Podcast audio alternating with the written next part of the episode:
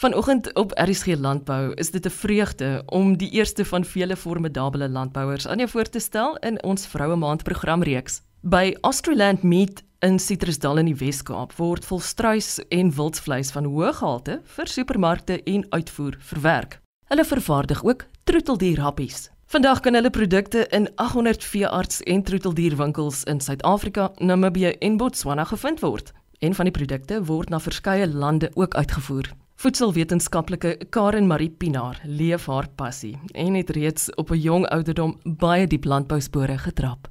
Ek het studeer aan die Universiteit van Stellenbosch en ek het BSc voedselwetenskap met chemie studeer. Ek was in Stellenbosch op skool gewees en ek dink dat nog voor ek geweet het wat ek wil studeer of wat se loopbaan ek wil inslaan, het ek geweet ek wil Stellenbosch Universiteit toe gaan. As iemand vir jou vra wat dit is wat jy doen vir 'n lewe, hoe beantwoord jy daardie vraag? Ek sal gewoonlik begin deur te sê dat ek is 'n voedselwetenskaplike. Dit is my belangrik dat maakie so wat se werk ek op die oomblik doen nie. Al is dit nie my, al doen ek dit nie elke dag nie, want ek is in 'n posisie waar ek verskillende goed doen. Ehm um, waar ek nou werk, so ek doen enigiets van mensebestuur, produkontwikkeling, kwaliteitbestuur, voedselveiligheid. Ek het te doen met die logistiek, uitvoere. Ek doen 'n bietjie administrasie, ek het te doen met boekhouding. So ek doen ietsie van van alles, maar in my kop bly 'n voedselwetenskaplike en dis my hoof fokus. Kom ons praat oor die volstruise. Interessant dat 'n derde van Suid-Afrika se volstruise daarvan julle afkom. Is korrek, ja. Nie noodwendig hier in Citrusdal nie. Meeste van ons volstruise loop in die Oudtshoorn area en ons boer nie self met volstruise nie. So die groep vir wie ek werk is die Australian groep en 'n gedeelte van ons besigheid is 'n uh, boerdery, maar ons doen foster parenting of ons noem dit so.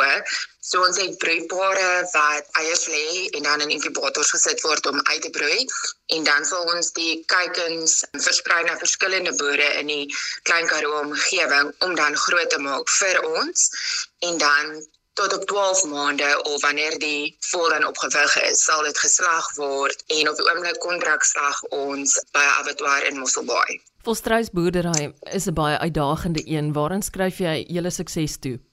Ek sal definitief ons sukses toeskryf omdat ons al die komponente van die volstruis is waardevol en ons het regtig probeer om elke komponent ten volle te benut. So, ehm um, as mens 'n uh, volstruis sien dan en jy het nie kennis van dit nie, gaan jy nie eintlik weet wat se waarde kan toegevoeg word tot die dier nie. So, ons gebruik die vere.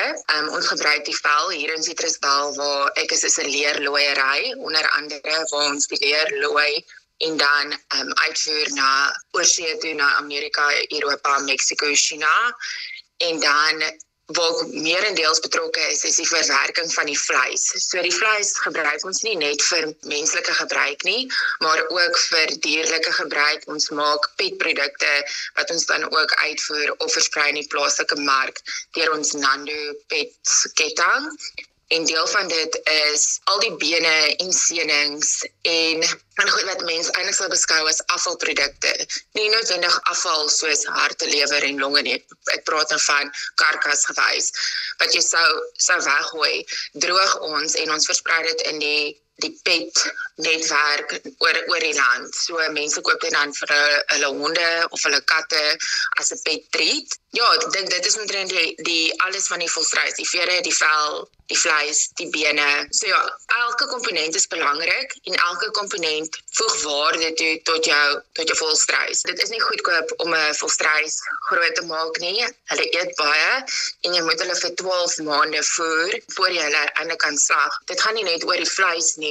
Dit gaan na 12 maande is jou jou vere reg of jy kon intussen al van jou vere gepluk het, jou vel is groot genoeg, jou coils of die knoppies op die op die velle is die regte grootte en dan natuurlik het jy voel dan genoeg vleis aan om dit half as ek kan sê winsgewend te maak. Anders bly jy verlies. So ek dink in ons geval is ons sukses die feit dat ons goeie markte het vir al ons komponente aan die volstruis. Die enigste ding wat kort is dat ons ons eie volslag, maar dit is 'n nuwe projek vir Australiland en ons is besig om ons eie abattoir te bou en ons beplan om binne die volgende 3 maande ons eie vols te begin slag. Ek verstaan julle gebruik tot die slukdarm. Wat op aarde maak julle daarmee? Ja, so die slukdarm word gedroog en dan verkoop ons dit in pet en vet shops en mense koop dit vir hulle honde om te eet of aan te kou.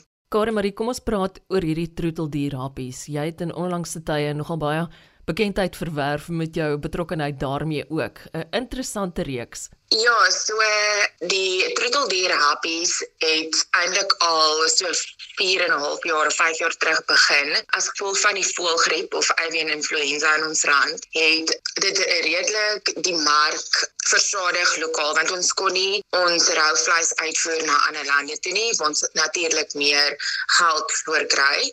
So dit het ons al geforseer om ander planne uit te dink om waarde toe te voeg tot ons ons volstruisvleis en ons het toe die uh, marknavorsing gedoen om te kyk hoe kan ons ons vleis oorsee kry? Al ons dit kon doen was om dit uit te voer in 'n gekookte produk en ons het besluit om petrits te maak en dit is hoe ons dit oorsee kon kry die eienaar van van Australiland is so twee amper 2 jaar terug oorlede aan COVID en dit was sy oorspronklike idee en ek en hy en 'n uh, veearts het saamgewerk om die petrits of die troeteldierappies te ontwikkel.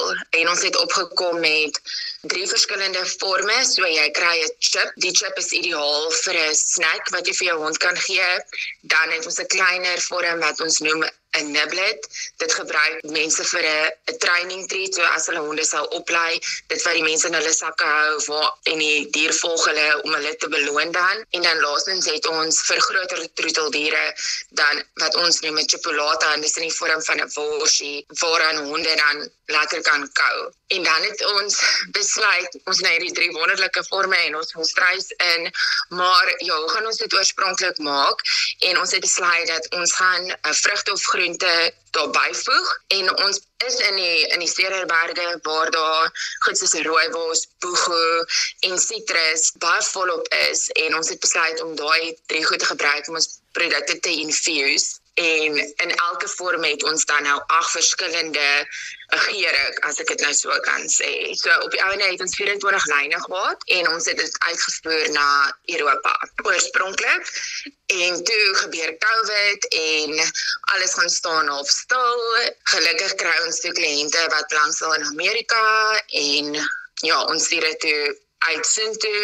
Nou hulle is altyd baie belang. So ja, ons verkoop dit ook lokaal deur ons Nando netwerk wat dit versprei na pet and vet shops oor die land en saam met dit gaan dan die gedroogde natural treats of ons praat van natuurlike produkte en dit is jou bene, jou steenings. Dis nie um, kan ek sê 'n verwerkte produkte nie. Dit is soos dit van die volstruis afkom, so word dit dan gedroog of kleiner gesaag en dan versprei. Maar die produkte wat ons hier maak by Australian waar ek 'n groot invloed by het, is die nie geproseserde maar die verwerkte produkte wat ons uitvoer. Dan is daar ook 'n troeteldierapie waar jy self die volstruis eier geïnkorporeer het. Ja, so dit was 'n nuwe projek gewees. Die mense wat die volstruis bedryf ken, sal weet dat nie alle eiers broei uit nie, so jy sit met geil eiers. Natuurlik kan jy ook waarde toevoeg tot dit. So ek het gewik en weeg oor wat ons kan doen met dit en 'n um, bietjie marknavorsing gedoen en gesien dat oorsee vriesdraai hulle eier en gee dit vir diere om te eet dit en hoekom kon ons dit doen met volstruis eiers nie? So ons het die dop gebruik. Die dop bevat baie kalsium en magnesium wat natuurlik goed is vir diere, vir hulle beenstruktuur. Dit het ons fyn gemaal in 'n tipe meel. Dan het ons die binnekant van die eier of die eier geel en wit saam met die eierdop geïnkorporeer om op die ouene 'n uh, happy te maak wat jy vir jou honde kan gee. So dit is in nog in die ontwikkelingsstadium. Dit is nog nie beskikbaar in winkels nie, maar dit word binnekort wees. Dan is daar ook 'n spesiale reeks vir kleiner honde. Dit dit hang af van jou breed natuurlik, natuurlik wat jy het. So die verwerkte produkte wat ons maak, soos die chips en die training treat, is klein genoeg wat jy vir kleiner honde kan gee, maar iets soos ons sjokolade op ons worsies gaan jy nie noodwendig vir jou klein troeteldiere gee nie. As jy kyk na die natural treats, dan is daar kleiner seënings en langer seënings en kleiner beentjies wat jy wel vir, vir honde kan gee. Maar ja, dit is belangrik om te lees agterop die verpakking van die produkte vir watse tipe diere is dit is dit vir 'n groter breeds is dit vir vir kleiner breeds voor jy dit natuurlik vir jou hond of vir jou kat gee Wat van julle CBD produkte Karen Marie en gaan dit my troeteldiere hoog maak? Nee, so uh, die CBD produk is 'n olie en dit bevat nie die komponent van CBD wat jou hoog maak nie en mense gebruik dit of ons beveel dit aan vir diere wat angstig is. Jy kan dit oor hulle kos spuit. Um, jy kan dit selfs gebruik op wonde van diere. Indien hulle 'n stikkende plek op hulle vel het, kan jy dit aanspuit. Dit sal vinniger genees. Ja, so dit help definitief om honde rustiger te maak wat baie hiperaktief is. Jy is iemand wat al soveel gedoen het as 'n voedselwetenskaplike. Wat is die dinge wat jy op die oomblik aan werk en wat wil jy graag nog binne die volgende paar jaar bereik? Op die oomblik werk ek is ek baie betrokke by die abattoir wat ons bou. Of dit is vir my 'n groot uitdaging in 'n leerskool self. So dit is op die oomblik ons of my grootste prioriteit is om die abattoir in werking te kry want buite die bou van die struktuur is daar klompstelsels, prosedures en mense wat op moet opgelei raak wat daar moet werk. So ek is tans besig met dit en dan wat die volgende paar jaar vir my inhou. Ek sien 100% seker nie. Ek sien myself nog oor 'n paar jaar steeds in die volstruisbedryf. Ek voel ek het saam met die die maatskappy gegroei en dit is vir my lekker om te sien en bevredigend om te sien as ons goed bereik. Ek dink oor 'n paar jaar as ons gaan terugkyk, gaan ons ons harde werk sien wat ons ingesit het. Karin Marie, in jou 29 jaar het jy alreeds baie diep spore getrap. Ons is besig om in hierdie maand ander vroue ook te vier in landbou. Wat sou jou boodskap aan hulle wees? In my tipe werk wat ek doen en dis nie noodwendig in elke geval so nie, is dit meestal 'n 'n mansgeoriënteerde werksomgewing ek vind dit baie dat ek die enigste vrou is in 'n vertrek wanneer daar 'n vergadering gehou word of wanneer daar iets belangrik bespreek word. So ek sou sê dat vrouens, as ek vir vrouens kan raad gee, hulle moenie terug staan. Ek dink ons as vrouens het baie selfvertroue en ons kan net sulke diep spore stap soos mans in die landbouindustrie. Ek dink ons kan goeie waarde toevoeg. Ons kyk dalk goed uit 'n ander perspektief uit. Ek sal definitief 'n boodskap wil gee oor jong leerders wat dalk nie seker is wat hulle wat se loopbaan hulle wil inslaan nie en wat dalk vra het rondom die loopbaan as voedselwetenskaplike.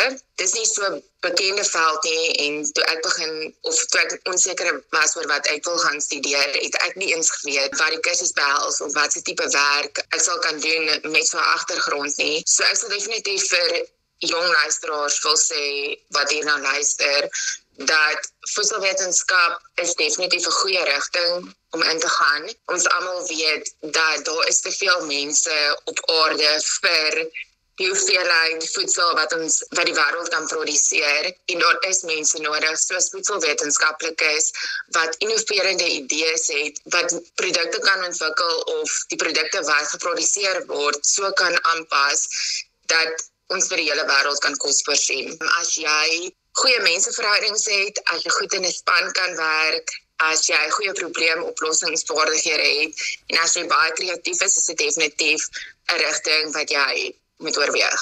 Voedselwetenskaplike Karen Marie Pinaar neem haar plek in as landbouer in die eerste program gedurende vanjaar se Vroue Maand reeks. Luister weer of deel dalk die program na 'n besoek aan RSG se webtuiste. Baie dankie dat ek haar storie vanoggend met jou kon deel. Ek is Eloise Pretorius en ek sien daarna uit om binnekort weer saam met jou te kuier. Totsiens.